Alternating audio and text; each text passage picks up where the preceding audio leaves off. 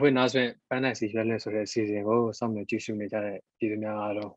မင်္ဂလာပါလို့ကျွန်တော်ရုံးဆုံးနှုတ်ခွန်းဆက်တာပါတယ်အခုချိန်မှာကိုဗစ်ရောဂါပိုးတွေနဲ့ကော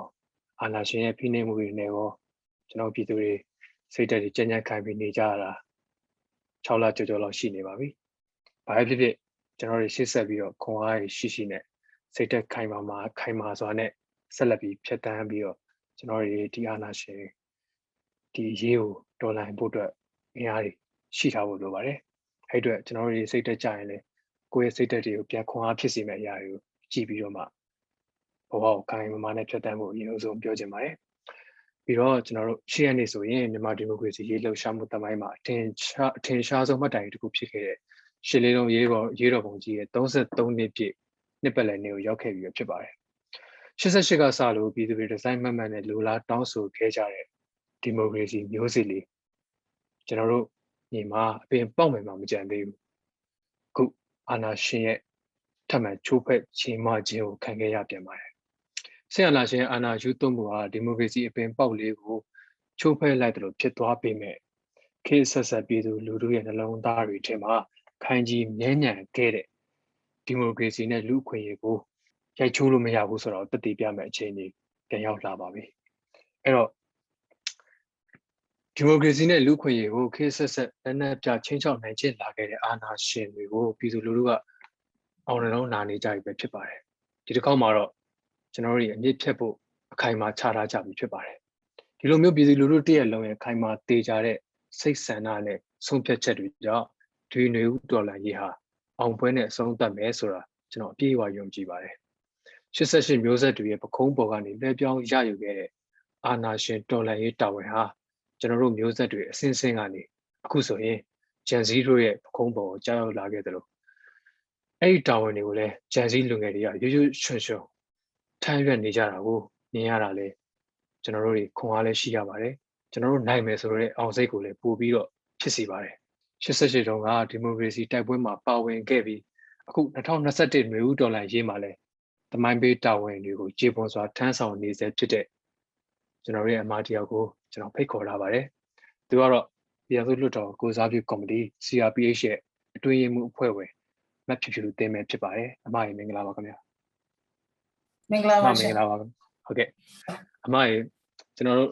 လွန်ခဲ့တဲ့33နှစ်1988ဩဂတ်စ်လ10ရက်နေ့မှာတနိုင်ငံလုံးပူးပေါင်းပါဝင်တဲ့ရှစ်လေးလုံးရေးတော်ပုံကြီးဘာကြောင့်ဖြစ်ခဲ့တယ်လဲဆိုတာလေးကိုရုံဆုံးအချင်းချင်းလေးမေးကြပါတယ်အမအဲ့တုန်းကအထက်တန်း အောင်ပြီးကာစားလို့ထင်တယ်ဟုတ်88မှာအမရဲ့ဖြတ်တန်းမှုလေးအစီအစဉ်ကိုကျွန်တော်စဖွင့်ကြပါတယ်အမဖြတ်တန်းမှုလေးကိုအချင်းချင်းလေးပြောပြပေးပါတဲ့အဲ့ဒီချိန်တုန်းကအမက10နဲ့အောင်ပြီးတဲ့အချိန်ပေါ့နော်အဲ10နဲ့အောင်ပြီးတဲ့အချိန်ဆိုတော့88ကအဲဘလို့ဖြစ်ခဲ့တယ်ဆိုတော့ကျမတို့တွေကမွေးဖွားလာစဉ်ကတည်းကဒီတပါတီအာနာရှင်စနစ်အောက်မှာနေခဲ့ကြတာပေါ့နော်အဲ1960နှစ်တည်းကကျမတို့ကဒီဆက်အာနာသိမ်းခံရတာဟုတ်ဆိုတော့ အဲ့ဒီအချိန်မှာလည်းကျမတို့ကဒီတပါတီအာနာရှင်စနစ်အောက်မှာနေခဲ့ရတဲ့အခါကျတော့အားလုံးလည်းသိရတဲ့အတိုင်းကျမတို့လူခွင့်ရေးဆိုတာဘာမှမသိခဲ့ရဘူးအဲကျမတို့တွေအကုန်လုံးကအဲတကယ်ဟိုဟိုခက်ခဲတဲ့အာဖြတ်တန်းလာခဲ့ကြတာပေါ့နော်ဆိုတော့အဲ့မှာကျမတို့88မဖြစ်ခင်မှာကျွန်တော်တို့ရဲ့အမှတ်အရဆုံးပေါ့နော်အမှတ်အရဆုံးတစ်ခုကတော့ကျွန်တော်တို့မြန်မာနိုင်ငံမှာရှိနေတဲ့ ငွေကြေးတွေကိုတင်ဆက်လိုက်တာပေါ့နော်အဲ့ဒီမှာကျွန်တော်တော်တော်ထိထိခိုက်ခိုက်ကိုခံစားလိုက်ရတယ်ပေါ့နော်အဲကျွန်တော်တို့ပြောမယ်ဆိုအဲ့ဒီအချိန်ကတော့ကျွန်တော်တို့အထက်တန်းတော့တရားပေါ့နော်ဆိုတော့ဒီမှာတွေကကျွန်တော်နိုင်ငံရေးဆိုတာကိုနားလည်လာခဲ့တယ်အဲ့ဒီမှာတွေကအာဒီတင်လိုက်တဲ့အခါမှာပြည်သူတွေကဒီအာဏာရှင်စနစ်ဆိုတာပြည်သူကိုမျက်နှာမမူအာပြည်သူတွေကိုအများနဲ့အာပြည်သူဘက်ကမရက်တည်ဘူးနောက်ပြီးတော့အဲ့သိမ်းဆဲလိုက်တဲ့အတွက် အဲတည်ဆုံးခဲ့ရတဲ့သူတွေဘောဟဖြစ်ခဲ့ရတဲ့သူတွေကိုကိုယ်တိုင်မြင်တွေ့လိုက်တဲ့အခါမှာအဲ့မှာတွေကတော့ကျွန်တော်အာနာရှင်စနစ်ဆိုတော့နားလည်တော့ပြီးတော့ဒီ88မှာအဲကျွန်တော်တို့ပါဝင်ခဲ့တယ်ပေါ့နော်88ဆိုတာလည်းအဲပြောရမယ်ဆိုလို့ရှိရင်ကျောင်းသားတွေကနေပြီးတော့ဒီကျွန်တော်ကိုပုံမှာပေါ့နော်ကြာဆုံးသွားတဲ့ကနေစပြီးတော့အဲကျွန်တော်အဲ့ချိန်တွေကနေကိုကိုတိုင်းကလည်းကျောင်းသားတစ်ယောက်ဖြစ်တဲ့အတွက်အဲ့ရှစ်ရှစ်လေးလုံးရေးခင်မှာဟိုစပြီးတော့ပါဝင်ခဲ့တယ်ပေါ့နော်ဟုတ်ကဲ့အဲ့တော့အခု အခု2021ပေါ့နော်မှာ88ကတည်းကအမားတို့မျိုးဆက်တွေတိုက်ခဲ့တဲ့တိုက်ပွဲကအခု2021မှာဘာလို့တကြောပြန်လာတာလဲဆိုတာကိုအဲသိကျင်ပါတယ်တချို့ကချို့ကလေးတွေဆိုရင်ဟိုဟဟိုခုတက်တက်ဆလူငယ်တွေပေါ့နော်မကလေးတွေဆိုရင်ဒီလိုကာလကာလမျိုးမှာဟိုကျွန်တော်တို့ဒီမိုကရေစီအပင်ပေါက်လေးရလဲရှင်းတန်လာနေပြီကျွန်တော်တို့ရဲ့အိမ်မက်တွေကလည်းအရှိမမြင်နေရပြီအဲ့လိုအချိန်မှာဒီလိုအာလာသိမ့်မှုဆိုတော့ဟိုအင်မတန်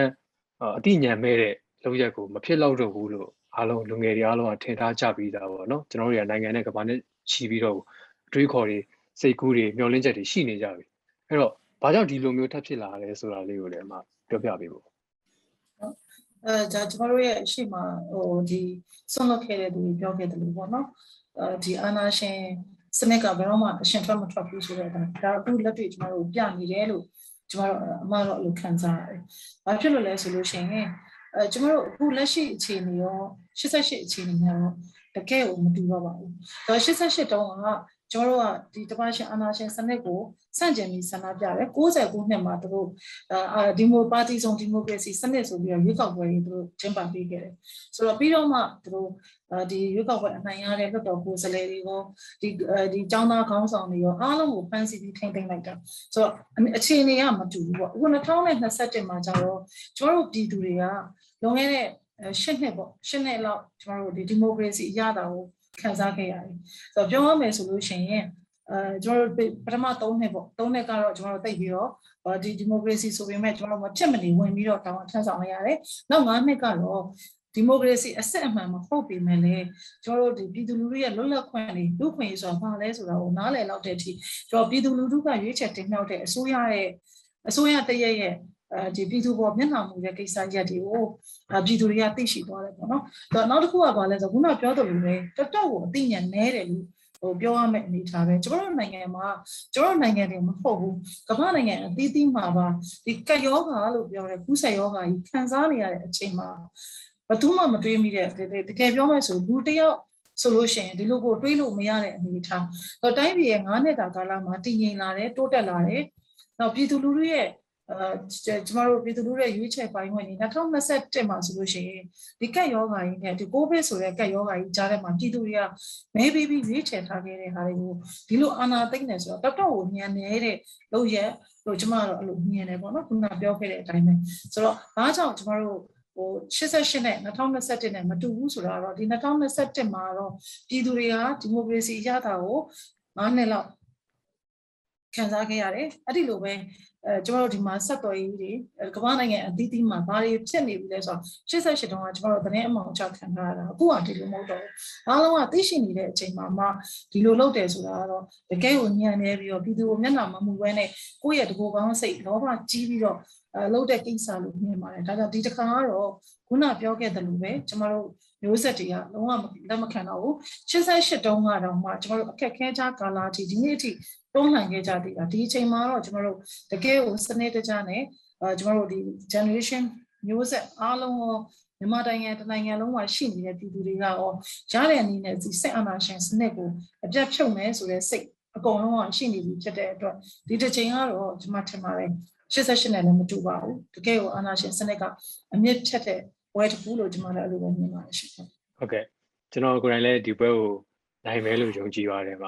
အဲ့တော့ ကျွန်တော်အမကိုတခုလောက်ထပ်မေးချင်တာကခုနအမပြောသလိုဒီ88နဲ့ຫນွေဥတော်လိုင်းဆိုတာလည်းမတူဘူးပေါ့နော်မတူတော့ဘူးအခုချိန်မှာတော့ကျွန်တော်ကကပောက်လဲဟိုလူငယ်တွေကမျိုးစုံနဲ့အတီအောင်စူးစမ်းနေတယ်ကျွန်တော်ရဲ့ energy စိုးရလည်းဟိုအခုတရားဝင်ဖြစ်ဖို့အတွက်ထပ်ပြီးစူးစမ်းနေတယ်ဆိုတော့ကျွန်တော်တို့ရဲ့လမ်းတွေကအများကြီးရှိတယ်ပေါ့နော်နိုင်နိုင်တဲ့လမ်းတွေအများကြီးရှိတယ်အဲ့တော့ဟိုဆီယနာရှင်စနစ်မရှိတော့တဲ့ဒီ Federal Democracy ပြည်တော်စုကြီးမှာပေါ့ ကျွန်တော်တို့နိုင်ငံကဘာတွေထူးခြားပြောင်းလဲသွားမယ်လို့ထင်တယ်နောက်ပိုင်းကျွန်တော်တို့ဒီအောင်နိုင်မှုတွေဖြစ်လာပြီးတော့ကျွန်တော်တို့ပြန်လဲထူထောင်ရမယ့်အချိန်ကြရင်ကျွန်တော်တို့ပြည်သူတွေအချင်းချင်းဘာတွေပြောင်းလဲမှုတွေဖြစ်သွားနိုင်လဲပြီးတော့ကျွန်တော်နိုင်ငံကဘာတွေထူးခြားတဲ့ပြောင်းလဲမှုတွေဖြစ်သွားနိုင်လဲဘယ်လိုအကောင်းတွေဘယ်လိုအဆိုးတွေကိုမျှော်လင့်နိုင်မလဲဆိုတာလေးကိုလည်းချက်ပြောပြပေးပါဦးပါဒါတော့ကျမတို့လွန်ခဲ့တဲ့9နှစ်ကကျမတို့ဘယ်လိုအာ ခံစားခဲ့ရလဲကျွန်တော်တို့ဘယ်လိုလူခွင့်ရေးပြေဝနဲ့ညီခဲ့ကြသလဲပြည်သူမျက်နှာမူတာကိုဘယ်လောက်ခံစားခဲ့ရလဲဆိုတာကိုသိရှိပြီးသားလည်းဖြစ်တယ်အဲ့လိုပဲအဲကျွန်တော်တို့ဒီလိုဒီ Federal Democracy စနစ်ကိုရသွားမယ်ဆိုလို့ရှိရင်တော့ဒါကျွန်တော်တို့လွန်ခဲ့တဲ့9နှစ်ဆိုတာကစစ်အာဏာရှင်တဝက်လောက်ကကျွန်တော်တို့ရဲ့ဒီအုပ်ချုပ်ရေးပိုင်းတွေမှာတာဝန်ယူထားတဲ့အချိန်မှာတော့မှကျွန်တော်တို့တော်တော်လေးကိုဟိုပြည်သူတွေ ဒီဒီမိုကရေစီအရတောင်ရရှိခဲ့တယ်ပေါ့နော်ဆိုတော့ကျွန်တော်တို့ဒီ Federal ကိုသွားမယ်ဆိုလို့ရှိရင်တော့ကျွန်တော်တို့ဗနိုင်ငံလုံးမှာရှိတဲ့တိုင်းရင်းသားဒေသတွေအခုဆိုလို့ရှိရင်ကျွန်တော်တို့ကိုယ်တိုင်တိုင်းရင်းသားတွေရဲ့ခံစားချက်ကိုတော်တော်နားလည်လာတယ်အရင်တော့ဆိုလို့ရှိရင်ကျွန်တော်တို့အမှန်တရားပြောမယ်ဆိုရင်ဒီလိုလုံးရက်တွေကိုတော့မှလူတစ်ယောက်ကလောက်ပါမလားအာလောက်တဲ့မလားလို့ကျွန်တော်တို့အများနဲ့စဉ်းစားနေတဲ့ကိစ္စရက်တွေတကယ်ကိုလောက်ခဲ့တယ်ဆိုတော့ကျွန်တော်တို့ကျွန်တော်တို့မျိုးဆက်တွေကိုအာ လူမြင်သူမြင်ကမှတတ်ခဲ့တယ်ဒါဆိုရင်ကျွန်တော်တို့ရဲ့ဝေးလံခေါင်တည်ရဲ့ကျွန်တော်တို့တိုင်းရင်းသားဒေသတွေသူတို့မလုပ်ဘူးဆိုတာကျွန်တော်တို့ယုံကြည်စရာအကြောင်းမှမရှိဘူးအဲကျွန်တော်တို့တကယ်လို့ Federal Democracy သာရခဲ့မယ်ဆိုလို့ရှိရင်ကိုယ့်ရဲ့ဒေသကိုကိုကိုယ်တိုင်ကိုယ့်ကျမကိုဖန်တီးတယ်ဆိုတဲ့အတိုင်းပဲဒီတိုင်းရင်းသားဒေသတွေကလည်းကိုယ့်ရဲ့ဒေတာကိုယ့်ရဲ့ဖွံ့ဖြိုးအတွက်ကိုလှုပ်ဆောင်နိုင်တယ်လို့ကျွန်တော်တို့နိုင်ငံမှာရှိနေတဲ့လူသားတွေအားလုံးကတန်းတူလူခွင့်ရေးနဲ့အညီလွတ်လွတ်လပ်လပ်နဲ့ကျွန်တော်လုပ်နိုင်မယ်ကျွန်တော်တို့လွန်ခဲ့တဲ့9နှစ်ကကျွန်တော်တို့ခံစားခဲ့တဲ့ ခံစား권တွေထဲအစာပေါင်းများစွာရရှိတဲ့ရရှိနိုင်မယ်လို့ကျွန်တော်တို့လုပ်ရပါတယ်အမပြောသလိုဆိုရင်ခုအာနာရှင်အာနာရှင်အစိုးရပြုတ်ပြီးတော့ကျွန်တော်တို့ NUG အစိုးရနဲ့အတူဒီမိုဖက်ဒရယ်ဒီမိုကရေစီနိုင်ငံတော်ကြီးပြန်လည်တည်ထောင်ပြီးဆိုရင်ကျွန်တော်အထင်လွတ်တော်မှာရှိတဲ့ဟိုဘာမှအရင်မြတ်ဖက်မြတ်အစိတ်သားပေါ့နော်အစိတ်သားဝစ်စုံနေဝစ်ပြီးတော့ထိုင်နေကြတဲ့ဒီအစိတ်သားကအာဘယ်လိုတွေဖြစ်သွားမလဲပြီးတော့ ကျွန်တော်တို့တိုင်းသားတွေကိုဘယ်လိုရေးပါရတဲ့ရေးပါရရောက်တဲ့အခန်းကဏ္ဍအထဲကိုရအောင်ကျွန်တော်တို့တွေဘယ်လိုမျိုးအခြေအနေနဲ့ဆွဲခေါ်သွားကြမလဲဆိုတာလေးကိုလည်းမှတစ်ချက်တော့ရှင်းပြပေးပါဦးအဲကျွန်တော်တို့ခုဆက်ရတာသိတဲ့အဲဒီချက်ကစားပြီးတော့ကျွန်တော်တို့လွှတ်တော်ကိုယ်စားလှယ်တွေစီပင်ရေးတာမှာကျန်တဲ့လွှတ်တော်ကိုယ်စားလှယ် CRP ဆိုပြီးတော့ပြည်တော်စုလွှတ်တော်အဲဝေကောက်ပွဲဖွဲ့ဆိုပြီးကျွန်တော်ဖွဲ့လိုက်ပါတယ်အဲဒီအဖွဲ့ကနေပြီးတော့အခုဆိုလို့ရှိရင် အဲကျွန်တော်2008ဆိုတဲ့ကျွန်တော်ဆက်အာနာရှင်တွေတစ်ဖက်သက်ရေးချက်ရေးဆွဲထားတဲ့2008အခြေခံဥပဒေကိုကျွန်တော်တို့ဖျက်သိမ်းခဲ့တယ်။အဲ့ဒီလိုပဲကျွန်တော် NUG ဆိုတဲ့မျိုးသားညီညွတ်ရေးအစိုးရအဖွဲ့ကိုကျွန်တော်တို့ဖွဲ့စည်းနိုင်ခဲ့တယ်။အခုဆိုလို့ရှိရင်ကျွန်တော်တို့ဒီမြန်မာနိုင်ငံကိုရှေ့ဆက်ပြီးတော့အကောင့်ထဲပေါ်မဲ့အဲကျွန်တော် charter ပေါ့နော် charter နဲ့အဲဒီတော့အခြေခံဥပဒေကိုကျွန်တော်စတင်ပြီးတော့တိုင်းရင်းသားတွေရော ပါတဲ့ NUCC ဆိုပြီးကျွန်တော်တို့ယူဆွဲနေတာရှိပါတယ်။ဆိုတော့အဓိကတော့ကျွန်တော်တို့ရှေ့ဆက်သွားမယ့်နိုင်ငံရေးလမ်းကြောင်းမှာတော့စစ်အာဏာရှင်ကဘယ်တော့မှပါမှာမဟုတ်တော့ပါဘူး။ကျွန်တော်2008အခြေခံဥပဒေကိုဖျက်သိမ်းပြီးဖြစ်တယ်။ဒါကြောင့်မို့လာမယ့်အာကျွန်တော်လွှတ်တော်တွေမှာဆိုလို့ရှိရင်လည်းပြည်သူလူထုရွေးချယ်တင်မြှောက်ထားတဲ့ကိုယ်စားလှယ်တွေနဲ့ကျွန်တော်အစ်အခုရွေးချယ်တဲ့အခုကျွန်တော်တို့ရေးဆွဲနေတဲ့ချာတာတဲ့အတိုင်းပဲကျွန်တော်တို့ဖြစ်လာမှာဖြစ်ပါတယ်။ဒါကြောင့်မို့ဒါကိုကြည့်မယ်ဆိုလို့ရှိရင်ကျွန်တော်တို့ CRPH အနေနဲ့ကတော့ ဒီ Federal Democracy သွားဖို့အတွက်ကိုတိုင်းရင်းသားတွေရောနောက်ပြီးတော့ကျွန်တော်တို့ NUG အစိုးရဖြစ်ပေါ်လာဖို့ NUCC ကနေစပြီးတော့အဲကျွန်တော်တို့ဒီအခြေခံဥပဒေရေးဆွဲတဲ့ကိစ္စတွေကိုကျွန်တော်တို့ဆောင်ရွက်နေတယ်အဲ့လိုပဲနာမည်လွှတ်တော်ဒီမှာဆိုလို့ရှိရင်လည်းပြည်သူလူထုမရွေးချယ်ပဲနဲ့အဲကျွန်တော်တို့ဝင်ရောက်ပြီးထိုင်ပြီးတော့အဲပြောရမယ်ဆိုလို့ရှိရင်ကိုယ့်ရဲ့အဲကိုယ်လောဘအတွက်ကိုယ့်ရဲ့အစုအဖွဲ့အတွက်ဒါပြီးတော့ဘိုးကြစိုးမိုးတဲ့သူတွေကလည်း အဲကျွန်တော်တို့ဘယ်တော့မှမရှိတော့ပါဘူးကျွန်တော်တို့ဒါကို2008အခြေခံဥပဒေနဲ့အတူတူကျွန်တော်ဖြတ်သိမ်းဖြစ်တယ်ဆိုတာကိုပြောချင်ပါတယ်ဟုတ်ကဲ့ဟိုအင်မတန်ကောင်းတဲ့တရင်စကားဖြစ်ပါတယ်မှာကျွန်တော်တို့တွေလိုချင်တဲ့မျှော်လင့်ထားတဲ့အခြေအနေပါဘာလို့လဲဆိုတော့ဟိုလွတ်တော်ဆိုတာကျွန်တော်ယုံကြည်ထားတာကဟိုနိုင်ငံရေးမှာပြည်သူတွေအတွက်ပြည်သူရေးတွေအတွက်နိုင်ငံရေးတွေအတွက်ပူးပေါင်းပါဝင်ပြီးလုပ်ရတဲ့နေရာမှာဘာမဟုတ်တဲ့ဟိုအားအရာလိုက်ကန့်ကွက်နေတဲ့အကျိုးလည်းမရှိအကြောင်းလည်းမရှိဖွဲ့စည်းတစ်ခုတည်းအတွက်လိုက်ကန့်ကွက်နေတဲ့အရာတွေက ကျွန်တော်တို့အရှိမကြည့်ခဲ့တဲ့မြတွေမှာတော့အင်မတန်ယုံညံ့ရုပ်ဆိုးလာပါတယ်မှာအဲ့တော့အခုလိုအခြေအနေကြားတာကျွန်တော်တို့ဒီတိုက်ပွဲကိုနိုင်အောင်တိုက်ရမယ်ဆိုတဲ့ဟာကိုပို့ပြီးတော့မှခွန်အားဖြစ်စေပါတယ်အဲ့တော့အခု CRPH အနေနဲ့ရောအမဘာတွေရှေ့ဆက်ပြီးတော့လှုပ်ဆောင်နေလို့ရှိပါသလဲမှာပြောပြပေးပါဦးအဲကျမတို့အနေနဲ့ကတော့လွတ်တော်ကိုယ်စားလှယ်ဖြစ်တဲ့အတွက်ပြည်သူလူထုရွေးချယ်တင်မြှောက်ထားတာဖြစ်တဲ့အတွက်ကျမတို့ဥပဒေတွေတသိန်းကြာရှိရတသိန်းပဲ ပြဋ္ဌာန်းစရာရှိတဲ့ဥပဒေတွေကျမတို့ဆက်ပြီးတော့ပြဋ္ဌာန်းနေပါတယ်အဓိကတော့ကျမတို့ NUG အစိုးရတရားဝင်ဖြစ်ဖို့အတွက်ကကျမတို့ legitimate ရှိတဲ့ကျွန်တော်ဒီကျွန်တော်လွတ်တော်ကိုယ်စားလှယ်တွေကနေပြီးတော့ဖွဲ့စည်းထားတာဖြစ်တဲ့အတွက်ကျွန်တော်တကာနဲ့လည်းချိတ်တွဲပြီးတော့ NUG အစိုးရတရားဝင်ဖြစ်ရေးအတွက်ကိုကျွန်တော်တို့အာလွတ်တော်တွေနဲ့ကျွန်တော်ချိတ်တွဲပြီးဆောင်ရွက်နေတာရှိပါတယ်။ဒါဒါရှေ့ဆက်ပြီးတော့ကျွန်တော်တို့အနေနဲ့ကတော့ကျွန်တော်တို့လွတ်တော်အနေနဲ့ကိုယ့်ရဲ့အာ legitimate ရဲ့ body ဖြစ်တဲ့အတွက် ကျွန်တော်တို့လှုပ်ဆောင်ရမယ့်ကိစ္စရက်တွေဥပဒေပြုရေးကိစ္စရက်တွေကိုဒီဇိုင်းမှတ်မှတ်နဲ့ပြည်သူလူထုအကျိုးအတွက်ကျွန်တော်တို့ဆက်ပြီးတော့ဆောင်ရွက်သွားမှာဖြစ်တယ်ဆိုတော့ပြောချင်ပါတယ်။အဲ့ဒါတော့အဓိကကျွန်တော်တို့လက်တလုံးဒီကြားကာလကနေပြီးတော့ကျွန်တော်တို့ဒီ Federal Democracy အပြောင်းလဲမဖြစ်ခင်အချိန်ထိကျွန်တော်တို့လွှတ်တော်ကိုယ်စားလှယ်ဆိုတာကဖြတ်သိမ်းလို့လည်းမရဘူးကျွန်တော်မဲပေးရွေးချယ်ထားတဲ့ပြည်သူလူထုရဲ့ mandate ဖြစ်တဲ့အတွက်ဒါကိုကင်ပြီးတော့ကျွန်တော်ပြည်သူလူထုအကျိုးကိုဆက်ပြီးတော့ဆောင်ရွက်သွားမယ်ဆိုတော့ပြောချင်ပါတယ်ဟုတ်ကဲ့ပါ အဲ့တော့အမားတို့ဆောက်ရပြည်သူလူထုတက်ဆောင်ရမယ့်အရာတွေအားလုံးအောင်အမြင်ဆုံးနဲ့အကောင်းဆုံးဖြစ်ပါစေလို့ကျွန်တော်ပြောလင့်ပါတယ်မှာအခုပြီးတော့ကျွန်တော်တို့အာတခြားနိုင်ငံတွေနိုင်ငံရဲမှာရှိတဲ့ကျွန်တော်တို့မြန်မာနိုင်ငံသားတွေပြည်သူတွေကတာဝန်ကိုယ်စီပြီးသွားတဲ့အခု energy ကကိုထောက်ခံဖို့အတွက်နိုင်ငံတကာမှာအမေရိကန်မှာရောတခြားနိုင်ငံတွေမှာရောအာလုပ်နေကြပါတယ်မှာအဲ့တော့ Washington DC မှာဆိုလည်းအခု9ရက်နေ့မှာအဲသူတို့ ဟိုအနေနဲ့ရဲမှာရှိတဲ့ဒီ American လေရဲမှာရှိတဲ့ပြည်သူတွေအားလုံးစုပေါင်းပြီးတော့ Washington DC ဟိုအဲအင်ဖြူတော်ရှိမှာသူတို့အခု energy ထောက်ခံကြောင်းကိုစန္ဒမဲလောက်ကြမယ်ပြီးတော့ဟိုဂျိုးဘိုင်ဒန်ကိုလည်းတမန်တော်ဂျိုးဘိုင်ဒန်ကိုလည်းသူတို့စာစာပို့ပြီးတော့မှဒီဟာကိုထောက်ခံကြောင်းလည်းပြောမယ်ပေါ့နော်မှအဲ့တော့အဲ့လိုအစီအစဉ်တွေများစွာနဲ့ကျွန်တော်တို့ပြည်သူတွေအားလုံးကလည်းအတူတူပူးပေါင်းပါဝင်နေတဲ့အချိန်မှာကျွန်တော်နိုင်ငံမှာရှိတဲ့ပြည်သူတွေအားလုံး energy ဆိုရကိုထောက်ခံတဲ့အနေနဲ့ ကိုလုံနိုင်တဲ့ဘက်ကနေအပြေးအဝထောက်ခံကြောင်းကိုနိုင်ငံတကာသိဖို့ပူပေါင်းပေးကြပါလို့ကျွန်တော်ဒီကနေပြတာလည်းခံပါတယ်ကျွန်တော်ရေတော်ပုံအောင်ရမယ်မှာ